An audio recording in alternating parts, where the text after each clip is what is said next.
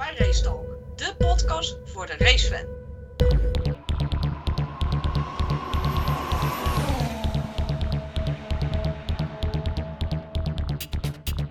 Bij Mercedes hebben ze op dit moment gewoon een op wielen wat helemaal niks kan. Nee, ja. dus- Nee, dat ding, dat ding heeft de wegbeweging van een olifant op, op, een, op een skippiebal. Het gaat nergens over.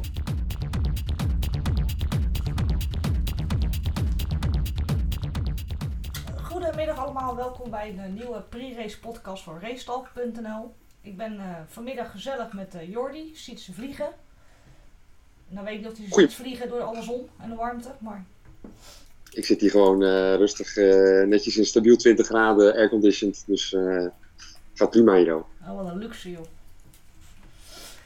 We zijn eindelijk naar hoeveel jaar terug in Canada? Ik denk dat we hier in 2019 voor het laatst waren, zeg ik wat goed? Ja, lang geleden? Dus leef terug. Toen was het Mercedes boven geloof ik, of Ferrari boven. Dat was het. Ja, dat zijn allemaal weer van die dingen, daar ik natuurlijk allemaal niet op zitten kijken. Ik denk dat Lewis, volgens mij heeft Lewis Hamilton gewonnen, maar, voor, maar was het niet zo dat Vettel eigenlijk als eerste over de streep kwam, maar dat Lewis Hamilton de overwinning in de, in de schoot geworpen kreeg? Het zal wel wat gebeurd zijn in die... eh, Ja, Vettel ging volgens mij immigrar de aus en had zijn plek niet teruggegeven. Omdat eh, Hamilton was er nog niet aan voorbij. Maar toen heeft hij toch straf gekregen, Vettel. En toen heeft hij met eh, eh, die borden heeft hij gewisseld. dat was het, ja. Dat was het. Ja, was nog een leuke afsluiting van de 2019 versie. Hij was toen al activist. Ja, hij begint nou echt vervelend te worden. Sorry. Hij heeft het wel goed gedaan. Hoezo? Heb je niet gezien? Tweede vrije training? Met, met, met, die, tweede. groen- met die groene Bull. Nou, hij begrijpt hem wel. Ja, maar hij heeft ook een beetje pak meer ervaring. En we kunnen zeuren over hem en met alles wat hij daarnaast doet. Maar het is en blijft een viervoudig wereldkampioen. Ja, dus daarom dat zeg ik. Hij heeft het goed gedaan. Ja. Ja, die De stond... oude, eh, eh, de oude rotten stonden er goed bij hoor, met Alonso en, en Vettel. ja, wat, wat Alonso heeft gegeten weet ik ook niet. Met zijn rondetijden en zijn kwalificatierun. Ja, die Alpine gaat wel goed. Die heeft, die heeft, dat, is, dat, is de, dat gaat de grote winnaar worden van, het hele, eh, eh, van de hele porpoise gate, zoals die nu gaat ontstaan. Met alles wat daaromheen speelt en eh, extra kabeltjes en eh, dikkere vloeren. En die zitten er nu natuurlijk niet onder, die dikkere vloeren, maar extra kabeltjes zie je al voorbij komen. Maar die Alpine die had er helemaal geen last van. Dus die, dus die, ja, die fietsen daar eigenlijk fluitend doorheen. Nou, dat kun je dan aan Alonso wel overlaten. Ja, die, eh, ja, ik gun ook wel een podium. Ik hoop echt dat hij op het podium komt dit weekend. Dat zou briljant zijn. Ja, toch? Want zijn eh, teamgenoot, die, eh, daar wil het niet zo mee, lijkt het. Eigenlijk sinds die eh, zijn contract verlengd heeft bij Alpine, is het naar beneden gegaan. Qua prestaties en dergelijke. En ja, waar het nog in zit, geen idee. Maar eh, hij was toen echt wel goed hoor. hè. De, vlak voordat hij zijn contract verlengde, toen was hij echt lekker bezig. Dus eh, met regelmaat voor Alonso. Dus eh, ja, daar kon hij ze prima mee meten. Nou ja, als je met Alonso kunt meten, dan ben je gewoon een grote meneer. Maar nou, komt er toch niet helemaal lekker uit. Maar er zijn er natuurlijk wel meer die wat moeite hebben met het vinden van ja, hun eigen eh, eh, manier van rijden met deze nieuwe bolides en dergelijke. Het zijn inmiddels eh, race 9, eh, dus eh, het wordt wel eens wat. Ja. Maar bij, bij Ricciardo zag je dat natuurlijk ook wel duidelijk.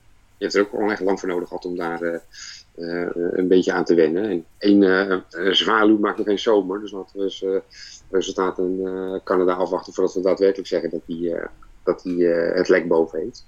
Maar uiteindelijk, ja, ik denk dat er bij Ocon misschien ook wel een soort van rol kan spelen. Dat je net niet lekker in je, in je gevoel zit met zo'n auto. Ja, dat kan.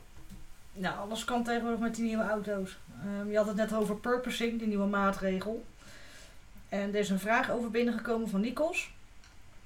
En dat gaat over Ferrari. Verwachten jullie dat Ferrari performance gaat inleveren in verband met de nieuwe purposing maatregelen? En ook wat het gaat doen voor Mercedes, want dat wil iedereen weten van jou. Ja. Nou, kijk, er gaat natuurlijk duidelijk iets gebeuren. eh, wat natuurlijk gewoon eh, heel simpel gezegd wordt. eh, je mag op een bepaalde manier een maximaal aantal verticale krachten trekken. Nou, en als je, dat, eh, niet, eh, als je daar niet aan voldoet met de rijhoogte die je er nu in hebt staan, ja, dan moet je dus die auto omhoog zetten. Nou, we weten allemaal wat er gebeurt. Als die auto een centimeter naar boven gaat, ja, daar leef je een seconde, eh, seconde tijd in. Dus eh, een beetje warm van het circuit waarschijnlijk. Maar goed, dat gaat echt veel tijd kosten. Ja. Of je er nou wel of geen last van hebt als coureur, of je nou wel of niet eh, vindt dat je er iets mee, mee moet als team zijnde, omdat je iets op performance inlevert. De VIA stelt gewoon, hij moet omhoog. Uh, en als hij dan nog niet aan de regeltjes voldoet, ja, dan heb je echt een probleem. En dan krijg je er gewoon straffen voor. En dan wordt zelfs gesproken over disqualificatie. Of, of eh, eigenlijk word je gewoon niet toegelaten tot de race. Um, ja, da daar gaat Ferrari zeker last van hebben. Tuurlijk. Uh, want zij, zij leveren geen performance in doordat ze uh, zo stuiteren. Maar ze mogen niet meer stuiteren straks. En bij Mercedes is het natuurlijk sowieso een probleem. Die hebben echt geen idee uh, welke kansen met die auto op moeten. Die, die zijn dat gewoon kwijt. En ja, een beetje vervelend voor ze dat ze uh, uh, ook niet bezig zijn met de auto voor 2023. Als je niet weet welke kant je op moet, dan, dan is het allemaal erg lastig. Ze hebben echt geen idee. Hebben ze de zaag in de vloer gezet, zag ik. Ja. Dus ze hebben gewoon echt knap uitgehaald of zo. Dus dat het ding minder vloeroppervlak. Ja, oké, okay, dan snap ik dat je dus minder gaat stuiteren. Ja, dat is natuurlijk niet het, dat kan natuurlijk nooit het ei van Columbus zijn je ook kijkt hoe, uh, hoe Hamilton loopt te harken door die, uh, door die vrije trainingen. Ook, echt gewoon een, achterkant die compleet niet thuis is. Hij kan er ook echt helemaal niks mee. We zitten soms een beetje om. Ja, we, we, kunnen daar op onze manier dan een beetje van genieten. Hè, dat we denken van, ja, dan staat hij weer te dweilen op, uh, op P12, P13 en, en dit is het. En dan komt hij weer klagen over de radio. Maar dit kun je bijna niet eens kwalijk nemen. Hij rijdt met een andere, andere setting dan, dan dat George Russell rijdt. Hè. Dus dat vergelijk kun je ook niet maken. Ja, maar is dat zijn eigen keuze, die setting?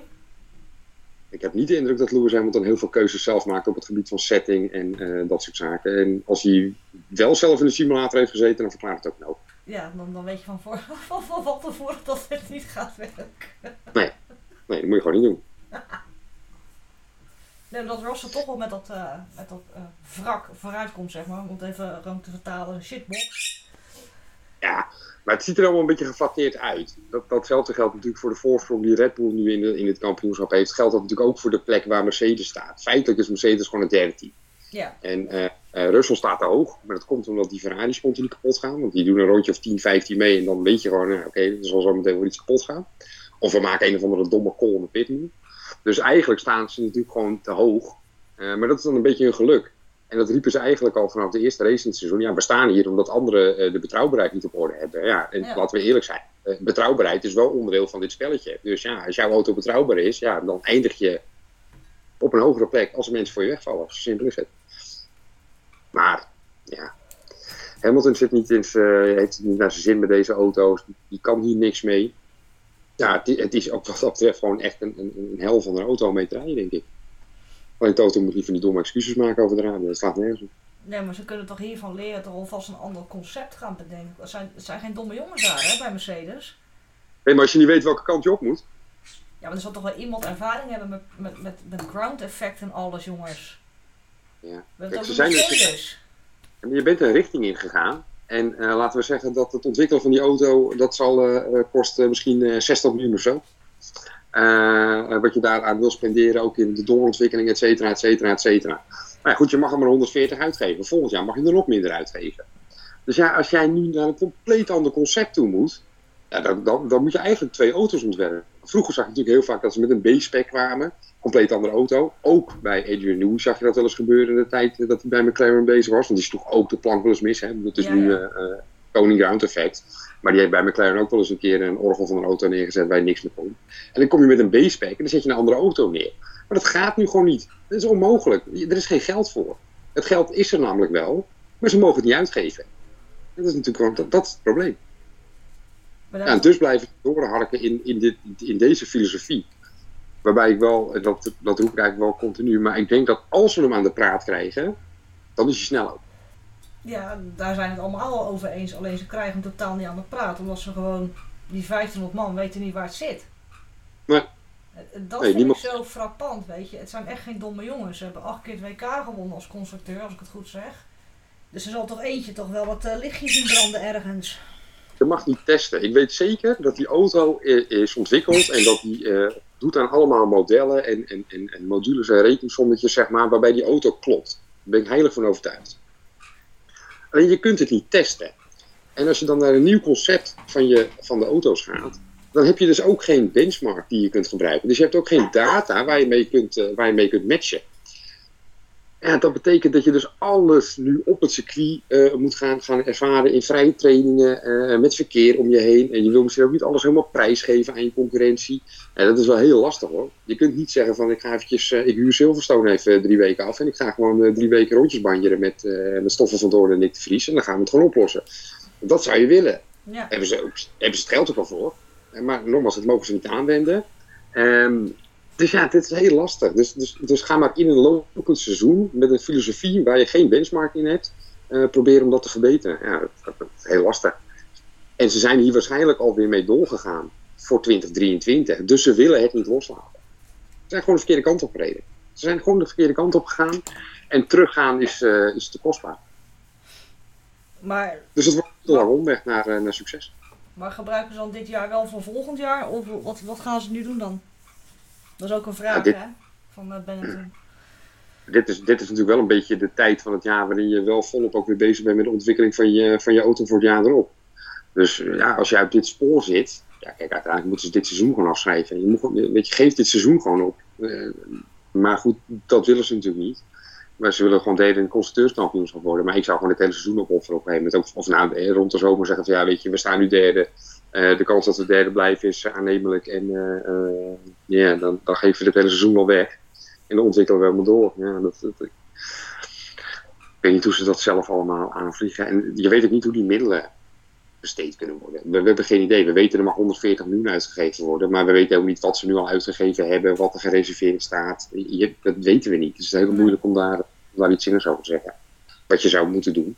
Maar ik zou in ieder geval dit seizoen lekker, uh, lekker als een, Afrikaanse uitloop gaan. Ja, dat is nu, uh, ja, ik, ik heb geen idee wat ze gaan doen. Het is uh, zoeken, harken, uittesten en puntjes pakken daar waar ze het kunnen. maar als, Kijk, je... stel nou dat Alpina wel naar voren komt, of een McLaren. Ik weet niet hoeveel punten ze achter staan. Ik heb even geen idee om eerlijk te zijn. kan op een natuurlijk heel snel gaan. Als jij je daar continu nu vol gaat eindigen als Alpine zijnde of als McLaren zijnde. Maar McLaren is, ook, is het ook niet. Maar als, als Alpine zeg maar, daar nu vol gaat komen, continu met twee coureurs, ja, dan kun je natuurlijk wel redelijke stappen gaan maken. Uh, en dan kan het redelijk hard gaan. Ja, goed, dan word je keer vierde in constructeurskampioenschap. Dat maakt dan ook niet uit. Weet je, dat, ja, natuurlijk, het scheelt, het scheelt prijzengeld, maar daar liggen ze niet wakker. Dat, dat is het probleem niet. Het is meer prestige, denk ik. En uiteindelijk is het wel zo. Je hoeft maar één keer, één keer een, een, een, een punt aan te raken waarbij je zeg maar ziet dat je de goede kant op gaat. En dan kan het natuurlijk wel heel snel gaan. Ja, maar ze hebben dat punt nog steeds niet. Nee, dat, dat, is, dat, is voor, dat is voor nu het grote probleem. En ik heb ook niet de indruk als ik deze vrije trainingen gekeken heb dat ze heel dicht bij dat punt zitten. Nee. Uh, um, anderzijds hebben we uh, uh, ons wereldkampioen races lang lopen over klagen over het feit dat die auto niet, uh, niet instuurt en, uh, en dat die auto niet wil keren. Mm -hmm. uh, en die heeft niet meteen de grip aan de voorkant gevonden. Ja. In, in één. Tussen, tussen Azerbeidzjan en, en Canada in. Dus het is ook niet in een week tijd. Nee, nee, absoluut niet. Het dus is het gewoon... Dus het kan natuurlijk heel snel kun je wat vinden. En dan sta je er in een heel anders bij. Ja, nee, absoluut. Maar misschien heeft het ook te maken dat bij hun misschien de basis goed is ik zeg maar wat hè. Dus als de basis goed is van die auto, met je, met je purposing je ground effect. Dan zie je misschien ook met Alpine dat die ook gewoon uh, goed zitten. Ja, als je dan de rest kan vinden, dan gaat het allemaal makkelijker. Tuurlijk, Tuurlijk vanuit een solide basis is het altijd makkelijker om, uh, om, om iets door te ontwikkelen of om iets te vinden. Zeg maar. Kijk, wat ze bij Red Bull doen is iets extra's vinden, zodat een coureur daar uh, beter met voeten kan. Bij Mercedes hebben ze dit met gewoon een hok op wielen wat helemaal niks kan. Nee, ja, dus... nee dat, ding, dat ding heeft de wegbeweging van een olifant op, op, een, op een skippiebal. Het gaat nergens over. Nee, ja. ja. Ze moeten het nog even mee doen. Ja, nou, dat is vooral hun probleem. Ja, en dat vinden wij helemaal niet erg. Want zo dat zijn heb we ik gewoon. Precies. Er zijn nog uh, twee vragen van Benetton binnengekomen over de doorontwikkeling. Daar hebben we het net al even over gehad. Uh, dit is een vraag over de windtunnel en over een schaalmodel. Mm -hmm. Ik begin met de windtunnel. Hij had ergens gelezen dat de windtunnel niet verder kan dan 180 km per uur. Klopt dat en waarom is dat? Dat klopt wel niet. Die windtunnel die kan veel harder dan 180 km per uur simuleren. Dat is echt geen probleem. windtunnel is oorspronkelijk, zeg maar, komt het uit de luchtvaartindustrie. Dus dan begrijp je wel dat die, dat die apparaten hogere snelheden aan kunnen. Het mag niet. Dat is heel makkelijk. Dus de FIA stelt dat er aan windtunnelgebruik een hele hoop voorwaarden zijn. Het heeft natuurlijk sowieso te maken met je plek in het constructeurskampioenschap en die idiote bells of performance die is ingevoerd. Hoeveel windtunneltijd je ook mag gebruiken. Dus een topteam mag minder windtunneltijd gebruiken dan, uh, dan uh, Williams bijvoorbeeld of een Haas. Um, en uiteindelijk is het zo dat ze zeggen, ja oké, dus die auto mag maximaal uh, 60% van de daadwerkelijke grootte mag je groot zijn. en hij mag niet, het mag niet harder gaan dan 180 km per uur. Dat, dat ligt gewoon in regelgeving vast. En daar is er wel wat voor te zeggen, want het gebruik van een windtunnel is extreem kostbaar. Dat is echt heel kostbaar. En uh, je kunt in een windtunnel alles simuleren. Dus als jouw correlatie goed is, en dat kun je heel eenvoudig in één race weekend kun je dat testen. Als jouw correlatie uh, goed is met de windtunnel uh, ten opzichte van het circuit. Je kunt in een windtunnel natuurlijk rechte lijn zaken testen. Je kunt er een rookpluim overheen sturen, zodat je kunt zien wat er met die lucht daadwerkelijk gebeurt. Maar je kunt ook bochten simuleren. Nou, dan is het een kwestie van tijd dat uh, uh, een rijk team of een topteam besluit, nou weet je wat ik doe, ik programmeer gewoon een compleet circuit in die windtunnel. Ja, en dan ben ik dus toch gaan testen. En dat mocht dus niet meer. Ja, mooi is dat, dus, Al die regelgevingen. Dus ja, dus het kan wel, maar het mag niet. En dat is natuurlijk het grote probleem als we bij Mercedes en bij de teams met porpoising tegenaan lopen. Bij 180 km per uur porpoist je niet. Nee dat komt op veel hogere snelheden pas naar voren. Ja, en dat heb je dus niet kunnen ondervinden in de windtunnel. Dat klopt, want die mag 180. Ja, dat, ja, op de simulator merk je het ook niet. Dus ja, dat is gewoon op het circuit merk je dat. Ja. Dus dat. Dus dat het mag niet. Dus ze zouden het wel willen, maar het mag niet. Hoe dat allemaal wordt gehandhaafd en hoe men daarop toeziet, heb ik geen idee van. Dat zou bijna betekenen dat er bij elke windtunneltest ook een, een VIA-functionaris uh, aanwezig moet zijn. Um, maar goed, die vraag heeft gelukkig niet gesteld, dus daar hoef ik ook een antwoord op Nee, nee, dat is voor een andere keer. je bent wel lekker op dreef, uh, Sietse. Lekker bezig. De andere vraag gaat over het schaalmodel. Waarom mogen ze niet verder gaan dan 60% schaalmodel? En waarom mag het geen één op één ontwerp zijn in de windtunnel? Ja, waarom dat niet mag, weet ik niet. Uh, maar het mag gewoon niet. Uh, ik denk, dat heeft ook denk ik echt te maken met, uh, met de limiet aan testen. Wat ik zeg, je kunt, je kunt in zo'n winter van alles simuleren. Dus op het moment dat je daar een, een volledige auto neerzet, op ware grootte, je, gaat, gaat ook, je, kunt complete circuits kun je simuleren in een winter en kijken wat daar gebeurt. je moet je voorstellen dat in die winter ook niet alleen zeg maar, de wind over die auto heen geblazen wordt, maar je kunt die auto ook laten rijden. Dus uh, op het moment dat je dan alles gaat simuleren, ja, dan ben je met een 1 op 1 model gewoon aan het testen. Daarbij, in feite, maakt het ook niet uit. Hè. Of je nou om daadwerkelijk een grote neerzet of 60% grote neerzet. Op het moment dat je al je waardes goed kalibreert en die windtunnel gewoon zijn werk laat doen, dan weet jij heel goed wat er met 1 op 1 gebeurt als je 60% schaalmodel gebruikt. Dus dat, dat is het probleem niet. Ik denk dat meer de snelheid het probleem is. Daar, daar lopen ze tegenaan. Daardoor hebben ze het porpoising niet kunnen ontdekken in de concepten die ze nu hebben staan. Um, de, de ware grootte daarin, als je toch praat over 60%, mhm. nou, dat, is, dat is prima. Dat, eh, dat je het nou moet doen met 20 of 25 procent, ja, dan wordt, het, dan wordt het inderdaad een beetje ingewikkeld. Maar je kunt gewoon met, uh, met 60 procent kun je gewoon een uh, complete, uh, kun je gewoon een waarheidsvinding doen. Dus dat is geen probleem. Nou, heel veel teams hebben gewoon nog heel veel werk te, te doen. Vandaar het nieuwe reglement van de FIA. Wat ik ervan vind, ja, ik weet wat ik ervan moet vinden om eerlijk te zijn. Want teams die er niet zoveel last van hebben, worden ook deels gestraft daarvoor. Ja, je bedoelt die nieuwe regelgeving, dat is ja. ronduit belachelijk. Je regels wijzigt in een. Uh, je, je, nogmaals, je kunt, je kunt regels niet veranderen tijdens de wedstrijd. Dat is onmogelijk. Je kunt de spelregels niet veranderen als de wedstrijd bezig is. Uh, de FIA doet dat keer op keer wel. En dan wordt er weer een veiligheidskaart uh, getrokken. Ja, ik vind, ik vind het zo'n onzin. Ja, Als het allemaal zo belangrijk is, dan, dan sommeer je Mercedes maar om die auto centimeter over te zetten. Uh, vriend, het is niet veilig. Dus die auto gaat een centimeter man. Maar nu moet iedereen moet weer van alles gaan doen. En dan mag je als team weer data gaan delen. Nou, ja, maar je okay, dus, niet op. Ja, dus wie gaat er data delen? Mercedes gaan data delen. Wil je, wil wel data delen, maar wil je niet uitdenken. Zitten we ook een keer ergens in een of andere werkgroepen bij. Ja. Dus die gaan data delen. Dat vinden ze, vinden ze wel interessant. Aston Martin die zal ook wel denken van nou, dat is leuk. Gaan we wel een keer een beetje data. Maar weet je, de data die Mercedes nodig heeft, is de data van Red Bull bijvoorbeeld Of de data van Ferrari. Want die Ferrari stuit het wel, maar die levert geen performance in. Dus daar wil je wel data vandaan hebben. Maar dat gaan ze natuurlijk niet delen. Dus het slaat helemaal Nee, dus het slaat helemaal nergens op. En ondertussen eh, wordt er op, eh, op donderdag worden de directives uitgevaardigd. En heeft Mercedes op vrijdag al de tweede bevestigingskabel aan de auto hangen. Ja, dat kan dus niet. Ja, maar dan kan je toch weer zien dat hoeveel macht Mercedes heeft. Want hun roeptoeteren, en er zijn er een paar wel bijgekomen, maar het is echt vanuit hun zelf gekomen. Ja, dat en komt er. dat- het idee of hij verschrikkelijke rugpijn hebt. Nou ja, ik weet iemand in mijn familie die heeft echt rugpijn als mijn vader. En die zei ook al, hij zei dat is gewoon bullshit. Hij zegt als je zoveel pijn hebt wat hij beweert, stap je niet in die auto, stap je ook niet meer uit. Nee, wel nee, joh. flauwekul. Maar het is dan Nee, weer erg dat ze er gewoon weer in trappen. Dat is gewoon jammer. Ja, toch krijgen ze de deksel wel op hun neus. Ik, ik hoop Maar- het, want ik heb geen vertrouwen meer in de FIA. Dat heb ik al heel lang niet meer, maar het is voor mij gewoon echt helemaal over nu. Ja, het is natuurlijk wel gek zeg maar, dat zij op voorhand weten dat ze die, die tweede kabel of stang wat ze gebruiken, dat die aan die vloer bevestigd mag worden. Aan de andere kant, de nuance zou kunnen zijn dat ze hetzelfde hebben gedaan als wat ze met DAS gedaan hebben. Jij kunt natuurlijk op het moment dat je een vinding hebt of dat je een oplossing voor een waarschijnlijk probleem hebt, kun je natuurlijk tegen de FIA zeggen van joh luister, ik ga dit op mijn auto zetten. Wat vinden jullie daarvan? Dat hebben ze met DAS natuurlijk ook gedaan.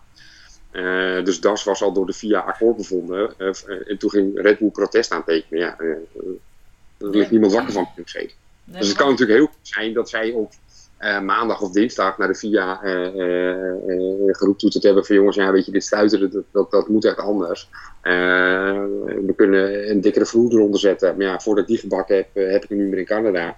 Of ik zet er een tweede kabel aan, zeg maar. Wat vinden jullie? En als de VIA dan zegt, ja dat is goed, dan zou dat natuurlijk een manier kunnen zijn waarop zij dat eerder hebben geweten. En die vraag had elk team kunnen stellen. En dat is ook hetzelfde antwoord van de VIA gekregen. Dus daar zit wel een beetje nuance, eh, wat mij betreft.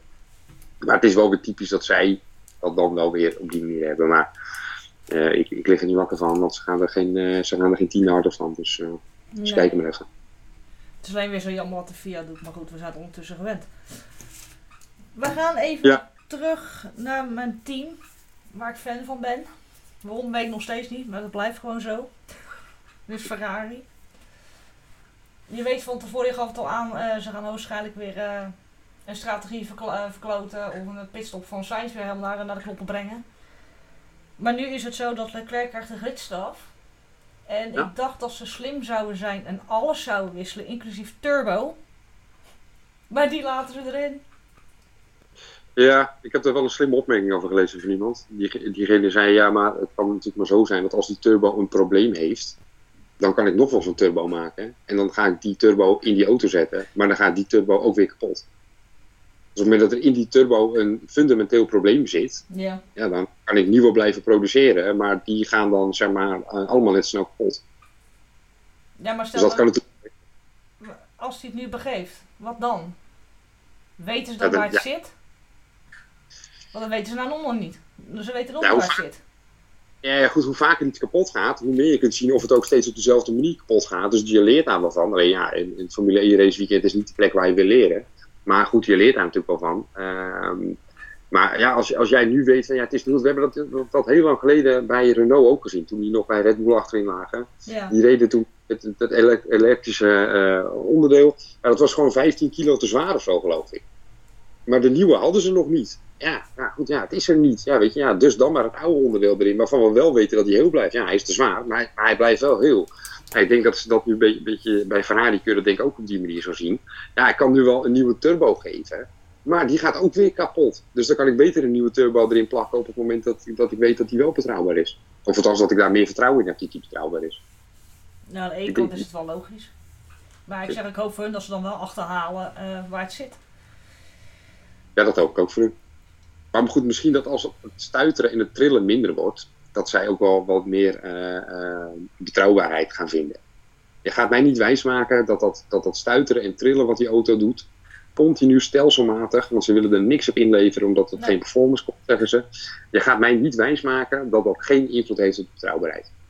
Onmogelijk. Nee, die vraag had ik eh, met de vorige postrace ook al gevraagd. Het, het, het lijkt wel op, je ziet het bij Haas heel erg, dan kunnen we het over Haas. Dat ding dat valt vanzelf uit elkaar. Uit zichzelf. Zonder een meter gereden te hebben, maar daar merk je het wel aan. Ja. Eh, Red Bull heeft natuurlijk dat DRS-probleem tijd gehad. Is die motoren, die zijn ook betrouwbaar. Nou, toen het DRS, dat is nou ook opgelost blijkbaar. En ze hebben Ja, elk, feitelijk, elk team heeft sorry. Ja, die, nee, maar die Red Bull motoren die zijn, wel- zijn super betrouwbaar. Dat is het hele probleem niet. Ze zijn twee keer uitgevallen op, eh, op eh, brandstofgedoe, zeg maar. Een keer Ja. een, eh, een vacuüm en, en een keer een lek in, in, in de toevoer. Maar uiteindelijk, zeg maar, die motoren die zijn wel gewoon betrouwbaar. Daar zit het probleem niet. Ik moet wel zeggen dat ik, maar ik weet niet of die wat meegemaakt heeft. Bij Yuki, die zit natuurlijk ook al aan de gridstraffen nu. Dus dat is wel hetzelfde, hetzelfde torretje wat daarin ligt. Maar in de basis, zeg maar, bij Red Bull Racing zelf, zeg maar, hebben ze eigenlijk weinig issues eh, eh, die echt power unit gerelateerd zijn. Dus op zich, Ja, Er valt- er gaan geruchten, dan schrijft Amus ook dat eh Alpha Tauri, zeg ik het nou goed? Dat hun toch weer testen voor Red Bull qua motorvermogen. Dus hun Ja, tuurlijk. pakken de ritstraffen en dan kunnen ze ook vooraan kijken eh, bij Verstappen en bij eh, Perez van oké, we gaan nou dat en dat doen. Ja. Ehm, ik, zou het stommer vinden als ze dat niet deden. nee, daarom. En, Ik zou het eh, stommer vinden als ze dat niet deden. Dus misschien dat dat inderdaad verklaart waarom Yuki inderdaad al, eh, al door als onderdelen heen is. Dat zou goed kunnen. Ja, dat is gewoon denk ik gewoon testen. Er was nog iets over. Oh ja, Leclerc had nog wat anders aangegeven. Hij zegt dat eh, volgen op dit circuit lastig is. En hij voorziet problemen, zegt hij hè. eh, met een inhaalslag. Kijk, hij gaat natuurlijk ervan uit of. Normaal gesproken zou ik zeggen, als Ferrari slim is, gaan ze voor een race setup. Maar hun kennen, dan gaan ze natuurlijk weer voor pole position. In verband met die 10 plek straf klopt het een beetje wat hij zegt. Dus hij voorziet problemen met inhalen en eh, achtervolgen en erachter hangen. En... Of is Ja, het gewoon eh downplayen van eh, kansen? Dat denk ik. Daar hoorden we ze vorig jaar ook continu over. En toen was het terecht en toen kon je het volgen. Maar dat kan nu toch gewoon prima. Maar ik denk dat hij meer een. Dat zijn probleem vooral gaat zijn dat, die, dat, die een, dat de degradatie van zijn banden wordt een issue. Zeg maar. Op het moment dat hij door het veld heen moet snijden en achter auto's vast komt te zitten. Mhm. Eh, dan denk ik dat hij met zijn met zijn degradatie een beetje in de knoei komt. En je kan natuurlijk wel, als je in het middenveld zit, op een gegeven moment wel opgesloten raken in een DRS-tijd. ja, Dat is allemaal DRS om je heen hebben, ja, dan, eh, dan, dan kan dat op een gegeven moment een keer een issue worden. Maar dan hebben ze toch ongetwijfeld wel een hele goede pitstopstrategie. En iemand aan de muur die hem dan zeg maar daar uit het verkeer weghaalt. En die dan zorgt dat hij in een mooi gaatje terechtkomt. En dat hij dan in vrije lucht gewoon zeg maar, die tijd allemaal goed kan maken. Die hebben ze toch wel gewoon, ja, en dan zelf gaat hij ook een keer meedenken. Niet dus. Want ehm, dat is ook zo'n punt van zwakte bij Leclerc. Er zijn twee dingen en dat is gewoon bandenmanagement. Hij vreet elke keer zijn banden weer op. Vindt Max leuk om altijd uit te proberen bij eh, Leclerc. Zit erachter, ik ga je gewoon pushen. En ehm, strategie, ja, en dan mis ik bij Leclerc gewoon dat hij zijn mond opentrekt. Dus ik ben bang eh, dat hij weer blind op zijn team afgaat. Dus Ja, waarschijnlijk omdat hij het zelf ook niet weet. ja, maar dat is wel een kwaliteit die hij mist. En als jij kampioen wil worden, zou je toch even iets meer in huis moeten hebben. En niet blind op afgaan van je, en vooral niet van je engineer daar. Goh. Nee, maar dat is, kijk, Leclerc is natuurlijk bloedsnel. Maar Ja, er, is natuurlijk, er zijn, en dat, is- dat is iets wat zo vaak terugkomt en aangehaald wordt. Maar er zijn natuurlijk heel veel grote kampioenen geweest en nog steeds actief, zeg maar. Die hebben gewoon schijfruimte over. Ja. En die heeft Leclerc niet. Dus om te presteren wat hij nu doet, heeft hij gewoon zijn handjes vol aan die auto. Ja, en dan kun je dus niet nadenken. Dat gaat niet. Ja, dat, dat, dat, dat, ja. Ik weet niet of je wat kwalijk kan nemen, maar goed, dat zit er dus niet in. En dus betekent het dat je in die teamsporten weg bent gekomen, waarin jij dan zeg maar eh, je trucje auto doet.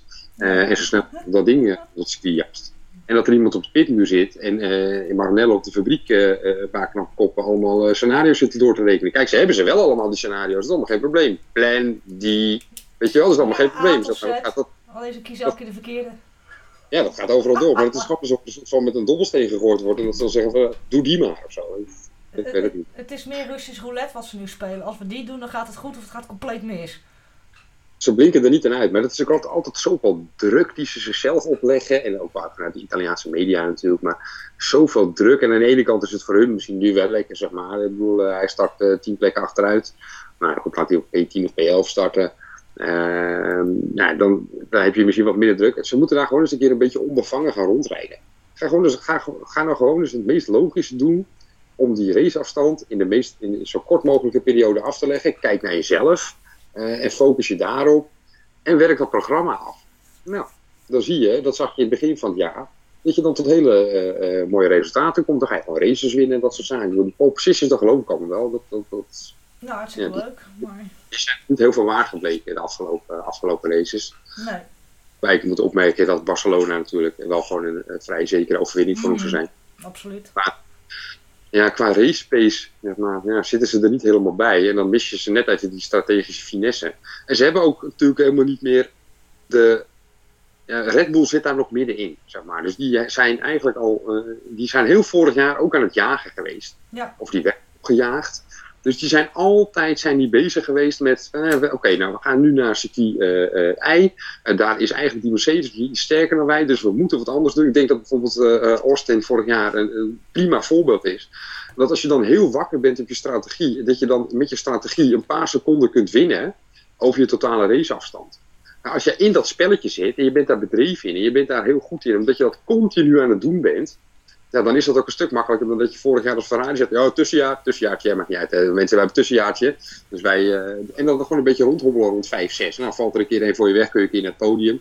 Maar ja, daar hoef je niet na te denken. Maar zij zijn dus overal, over de hele linie... kunnen ze een goede auto neerzetten die een snel rondje kan rijden. Ja. Maar je hebt natuurlijk meer nodig dan dat om kampioen te worden.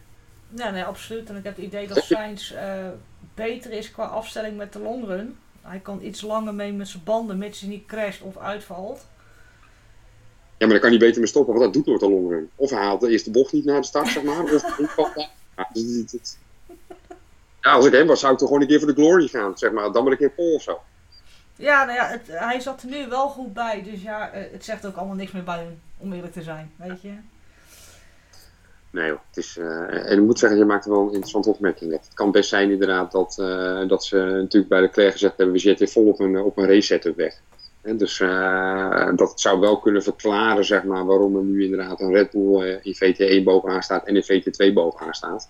Ja, die- bij VT2 zat er nog maar een paar duizend tussen. Dus ik zeg al, als ze slim zouden zijn. Maar ja, het is Ferrari en slim, dat gaat niet samen. 84 honderdste zat ertussen en normaal Ja. gesproken er nog wel 10 of 2 voor gemiddeld. Dus op zich dat wel wat kunnen verklaren, zeg maar. Dan zit je bijna op drie tiende verschil als je zo doorrekent. Tussen een race setup en een quali setup. Nou, dan zitten ze nog steeds een beetje in de mix te zoeken misschien. Maar dat- Dus ik- had er nog niet bij stilgestaan bij dat scenario, maar dat zou goed kunnen. Maar dan zie je de longrun weer, dan hoor je de op de mijn rear tires are gone. En denk ik, je zit weer te pushen als een malle op die band. Ja, En dat gaat niet met die auto. Het, het, op een of andere manier gaat dat niet, want eh, of het is anders eh, rijden van de auto, want Sainz kon het wel. Die hield het veel langer vol dan Leclerc. En ik heb nog steeds het idee dat Leclerc denkt, Le- long, eh, de long pace is hetzelfde als quali-run. Nee, dat, dat werkt zo niet. maar ze hebben die auto opgegooid. Ja, Wat je in, wat je in het begin zag, was dat die Ferrari, die had ontzettend veel tractie als hij de bocht uitkwam. Dus, dat, eh, dus dan kwam je uiteindelijk het rechte stuk op. En die Red Bull die had dan een veel, eh, veel hogere topsnelheid. Maar hij kwam gewoon eh, tijd tekort. Hij kwam, hij kwam gewoon asfalt, wat rechtdoor ging, tekort. Eh, omdat die uit die bocht, die tractie van die Ferrari was fenomenaal. ja, Je had in Miami had je een briljant beeld, zeg maar, onder dat viaductje door, zeg maar, waar ze dan het bochtje uitkwamen. En daar zag je hem echt, echt, hij liep helemaal weg. Op het moment dat je zo makkelijk zoveel tractie hebt, dan vreet je dus ook minder banden. Wat ze nu aan het doen zijn, is dat ze natuurlijk bij zichzelf gedacht hebben, ja, we moeten wat meer topsnelheid vinden, want ja, dit wordt wel echt een probleem. Eh, want we hebben nu Canada, maar die voor gaat nu in Baku. ja. Eh, daar, daar, je hebt topsnelheid nodig. Je kunt, daar kun je lang niet meer alles compenseren, zeg maar, met tractie of met je bochtensnelheid.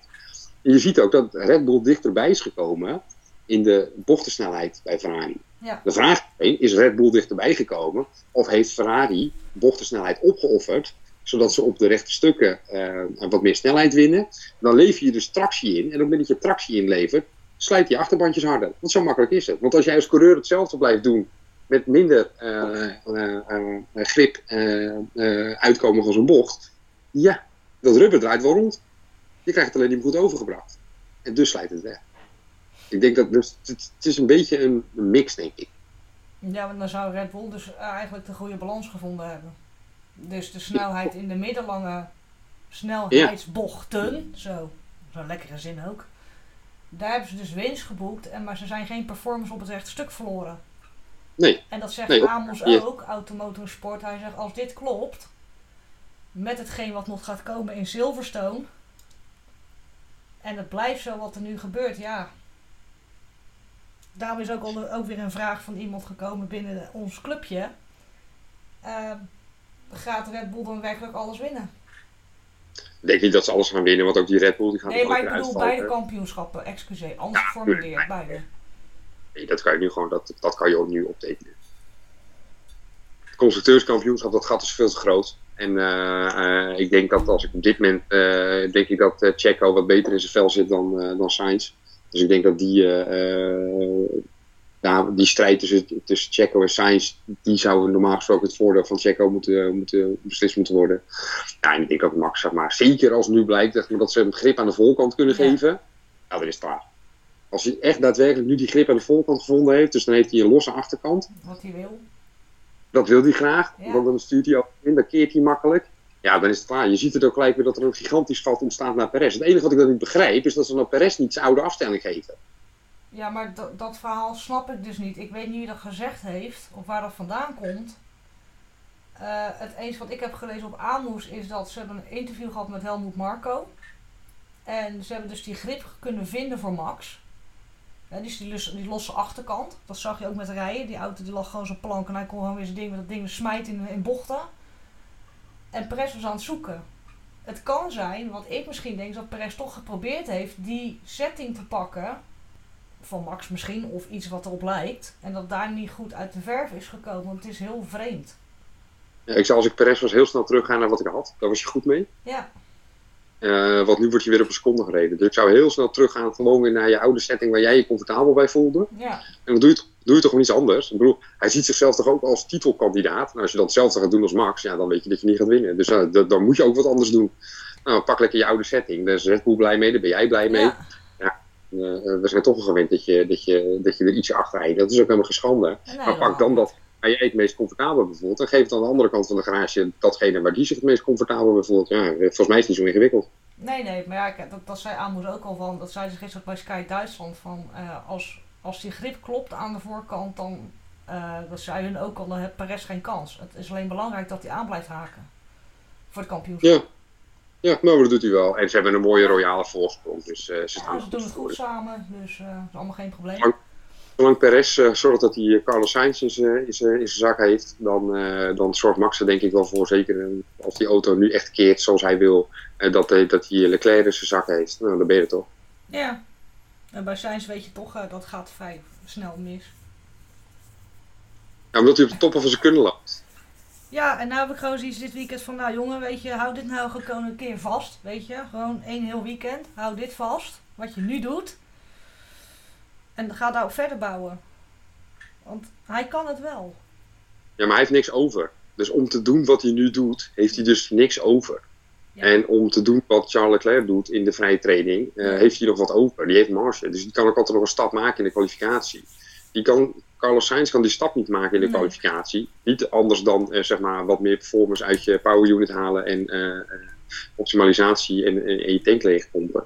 Maar, maar, dus, maar die loopt op de toppen van zijn kunnen. Dus dit is het. Ja. Nou ja, hoeveel rondjes hebben we gemiddeld in de race? Ergens tussen de, tussen de 50 en de 60, laten we het zo zeggen. rond 60. Ja, oké. dus ga maar 60 keer op de toppen van je kunnen lopen. Dat gaat mis. Met een, met een Italiaanse goud in je oor. Ja, nee, dat... Ja, dat, dat gaat een keer fout. Ja, ik vind het ook prachtig hoe uh, kalm die blijft. En denk van, hoe dan? Ja, ik zou, volgens mij, ik zou, gewoon- ik zou gewoon mijn headset uittrekken als ik hem was. Dus gewoon à la Jacques Villeneuve, hoppa, uit dat ding. Ja, en dan zet me op een pitboard als ik naar binnen moet komen. En dan bedenk ik zelf of het ook echt wel nodig is. Ja, inderdaad. Want dat doet hij wel, hè? Ja, dat doet hij wel, hè? dat. Ja, hij doet dat wel. En dan denk ik van ja, Leclerc, sukkel, kijk, dat moet je doen. Nee, dat doet hij niet. Ja. Het spijt me ten zeerste, maar hij heeft nog heel veel te leren. En misschien hebt hij het ook niet. Maar dan moet hij gewoon mazzel hebben dat de concurrent eh, ja, geen goede auto bouwt. Carlos Sainz in het huidige veld natuurlijk niet zeg maar de top van de top. Eh, Carlos Sainz is een topcoureur Ja. die eh, om prima redenen in de Ferrari zit. Maar wil Carlos Sainz wereldkampioen worden, dan zal er toch wat nodig moeten gebeuren. Omdat er mensen om hem heen in het veld rijden die met een fractie minder goed materieel nog steeds voor Carlos Sainz kunnen winnen Yes. een teamgenoot heeft die beter eh, is dan hij zelf. Dat is helemaal geen schande. Ik bedoel, eh, je rijdt lekker bij Ferrari. Nou, haal ik een paar miljoen per jaar binnen en, eh, en zorg dat je aansluit. Kunnen wel een paar blijven zitten. Nou, dat is ook zo. En als zaak misschien eh, Mercedes wel iets vindt, of McLaren, of Wiede, of Alpine. Ja, nou ja, goed, dan eh, hebben ze allemaal wat te vechten. Wel leuk. Toch alleen maar mooi. Zeker. Ik wil het eigenlijk nog over Latifi hebben, maar ik denk, ja, moet dat? Is het nou zijn laatste race, ja of nee? Meer hoef ik niet te weten. Ja. Oké. Komt of komt Piastri? Ja of nee? Ja, ja. Oh, oké. Nou, dan hebben we dat ook weer opgelost. Dan gaan we naar de kwalificatie. We hadden het er net al over. En dan ga ik ook maar een voorspelling doen. Voor de verandering. En dan zal je zien dat Oh. hij niet uitkomt. Want ik ben er zo slecht in. Ofwel, dan krijgen we een soort van bedevaartoord richting, eh richting Hellevoetslaan. Ja, ook gezellig. Ik eh, zeg eh, Verstappen, Alonso, Leclerc. Zo. Ja. Zo. Ja, gooit de knuppel in het hoenderhok. Ja, daar ben ik goed in. Ik eh, denk inderdaad dat Verstappen naar, eh, naar de pole position eh kwalificeert. Ik denk dat Charles Leclerc zich op tweede positie zal melden. En dan ik bedenk me Denk ik wat. Carlos Sainz aansluit op eh, P3. Ik bedenk me net wat ze zeggen, eigenlijk dat de regen aankomt. Maar is dat tijdens de kwalificatie of niet? Er is eh, vandaag eh, in eh, Canada tussen, ik geloof, 1 en 6 eh regen voorspeld. Ja, hoe moet ik om gaan denken? Je hoeft niet om te denken, gewoon Canadese tijd. Dus gewoon in Canada, vanaf een uur of één. Dus de- in de middag, zeg maar, valt de regen in Montreal. Maar, ja, dan krijg je wel een soort tombolen inderdaad. Maar uitgaande van droog, denk ik, inderdaad, denk ik Verstappen, eh Leclerc uit. Ja, maar ook in de regen heeft dat toch effect op de porpoising of purposing of hoe dat ook maar heet. Of Ja, maar dat legt Max niet uit heel graag. in de regen. Dat, eh, nee, dat maakt zeker uit, maar dat legt Maxiaans graag een keer uit. Ja, nou dat, dat is dan voor maandag of zo. of daarna.